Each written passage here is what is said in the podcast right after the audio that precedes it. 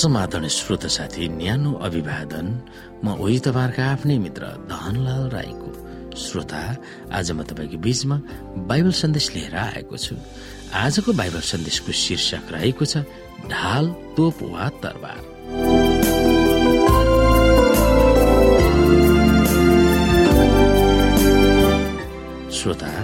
शैतानसँगको भीषण युद्धमा हामी पनि सहभागी भएकोले हामीसँग भएको ढाल तोप र तरबारलाई कसरी प्रयोग गर्ने?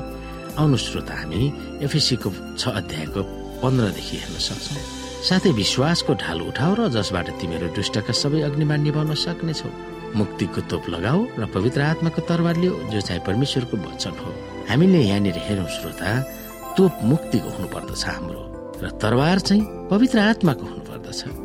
र ढाल त्यो विश्वासको जुन विश्वास हामीलाई परमेश्वर पिताबाट आउनु पर्दछ अथवा हाम्रो विश्वास यति ठुलो हुनुपर्छ अथवा यति महान हुनुपर्छ जुन विश्वासले हामी ती शैतानका अग्निबाणहरूलाई निभाउन वा परास्त गर्न सक्नेछौँ। जब पावलले ढाल भनेर उल्लेख गर्दछन् यो रोमी सिपाहीका हातमा हुने ठुलो ढाललाई औल्याउँछन्। यो काठको बनिएको हुन्छ र छालाले ढाकेको हुन्छ। त्यसका किनाराहरू भित्रपट्टि मोडेको हुन्छ। शत्रुका आक्रमणबाट त्यसले छेक्दछ। जब त्यसलाई पानीले भिजाउँछ तब शत्रुको अग्निबाणलाई निभाइदिन्छ। ती बाँडहरू अलकत्रामा डुबाएको हुन्छ र आगो लगाएर शत्रुतिर हान्दथे। तर अहिले हामी यो विषयमा यसरी बुझ्न सक्दछौ जुन कुरा ढाल भनिएको छ त्यो साङ्केतिक कुरा हो। त्यो ढाल हाम्रो विश्वास हो। पावलले विश्वासको ढाल भन्दा पुरानो करारमा यो परमेश्वरको प्रतीक थियो जसले आफ्ना जनहरूलाई सुरक्षित राख्नुहुन्छ। विश्वासको ढाल उठाउनु भनेको परमेश्वरमा भरोसा राखेर ब्रह्माण्डको युद्धमा लाग्नु हो। परमेश्वरले नै विश्वासीहरूको लागि युद्ध गर्नुहुन्छ। परमेश्वरले उत्तम हतियारहरू उपलब्ध गराउनुहुन्छ र विजयको निम्ति सुनिश्चित गर्दछ। हामीलाई थाहा छ जुन संसारसँगको लडाईँमा हाम्रो विजय अवश्य पनि हुनेछ। फेरि त्यसै बखत रोमी सैनिकले लगाउने तोप फलाम वा धलोटको टाउको र घाँटीलाई सुरक्षा गर्न पछाडि पाटा हुन्थ्यो र कानमा पनि पाटा झुन्डिन्थ्यो। गालाहरूलाई सुरक्षा गर्न पनि पाटाहरू हुन्थ्यो। तोपले गर्ने महत्वपूर्ण सुरक्षालाई पावलले मुक्तिको तोप भनेर सम्बोधन गर्दछन्। यो कुनै पछि हुने मुक्ति होइन तर वर्तमान जीवनमा पुनरुत्थान हुनुभएको उक्लिनु र उचालिनु भएको कृषिसँग एक भएर बाँचिने अनुभव हो। मुक्तिको तोप लगाउनु भनेको समय समयमा प्रहार गर्ने अन्धकारका आत्मिक शक्तिलाई अस्वीकार गर्नु हो र ख्रिसको सर्वोच्च शक्तिमाथि भरोसा राख्नु पनि हो। अन्तिम हतियार आत्माको तरबार हो जुन परमेश्वरको वचन हो। रोमीहरूको तरबार छोटो र दुई धारे हुन्थ्यो। युद्धमा प्राय जसो दुई छुरीहरूले हान्थ्यो र तरबार झिकेर शत्रुतिर हान्न द्रुत गतिमा अघि बढ्थ्यो।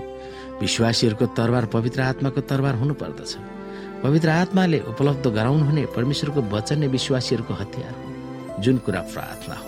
सेनापति जस्तो भएर पावल अगाडि बढ्दछन् र हात हतियार उठाउन आह्वान गर्दछन् र मुख्य सेनापति परमेश्वरका प्रतिज्ञाहरूमा आशा राख्दै विजय पथमा उनले लम्काउँछन्। एफिसी छ अध्यायको दसदेखि बिसमा उल्लेख गरेका हतियारहरू उठाएर नै प्रतिज्ञाहरूलाई आत्मसात गर्न पावलले आह्वान गर्दछन्।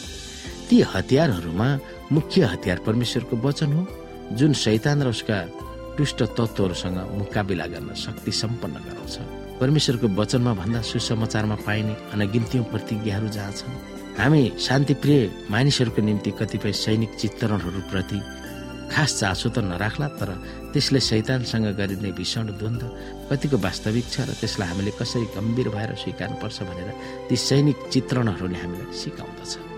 श्रोत साथी आज हामीले जुन अगाडिको लडाईहरूलाई हेर्दछौँ जहाँ ढाल तरबार हामी हेर्छौँ त्यहाँनिर। तर आज यी कुराहरू हामी बीचमा पनि आवश्यक छ। जुन कुरा अहिले पनि हाम्रो बीचमा लडाई भइरहेको छ भीषण युद्ध भइरहेको छ तर अहिले हामी रगत र मासुको लडाई गर्दैनौँ। अहिले हामी आत्मिक रूपमा परमेश्वरको वचन धारण गरेर अथवा पवित्र आत्माको शक्तिद्वारा हामी लड्दछौँ। हाम्रो लड्ने हतियार भनेको हाम्रो विश्वास हाम्रो प्रार्थना हो जसले हामीसँग युद्ध गर्न चाहिरहेको छ। हामी उनीहरूको निम्ति प्रार्थना गरेर उनीहरूको हृदय नै हामी परिवर्तन गरिदिन सक्छौँ।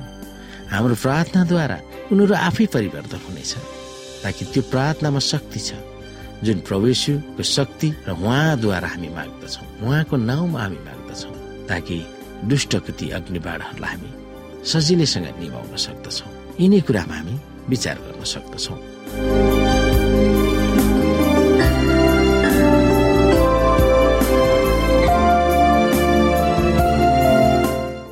श्रोता साथी आजको लागि बाइबल सन्देश यति नै। हस्त नमस्ते जय मसिंह।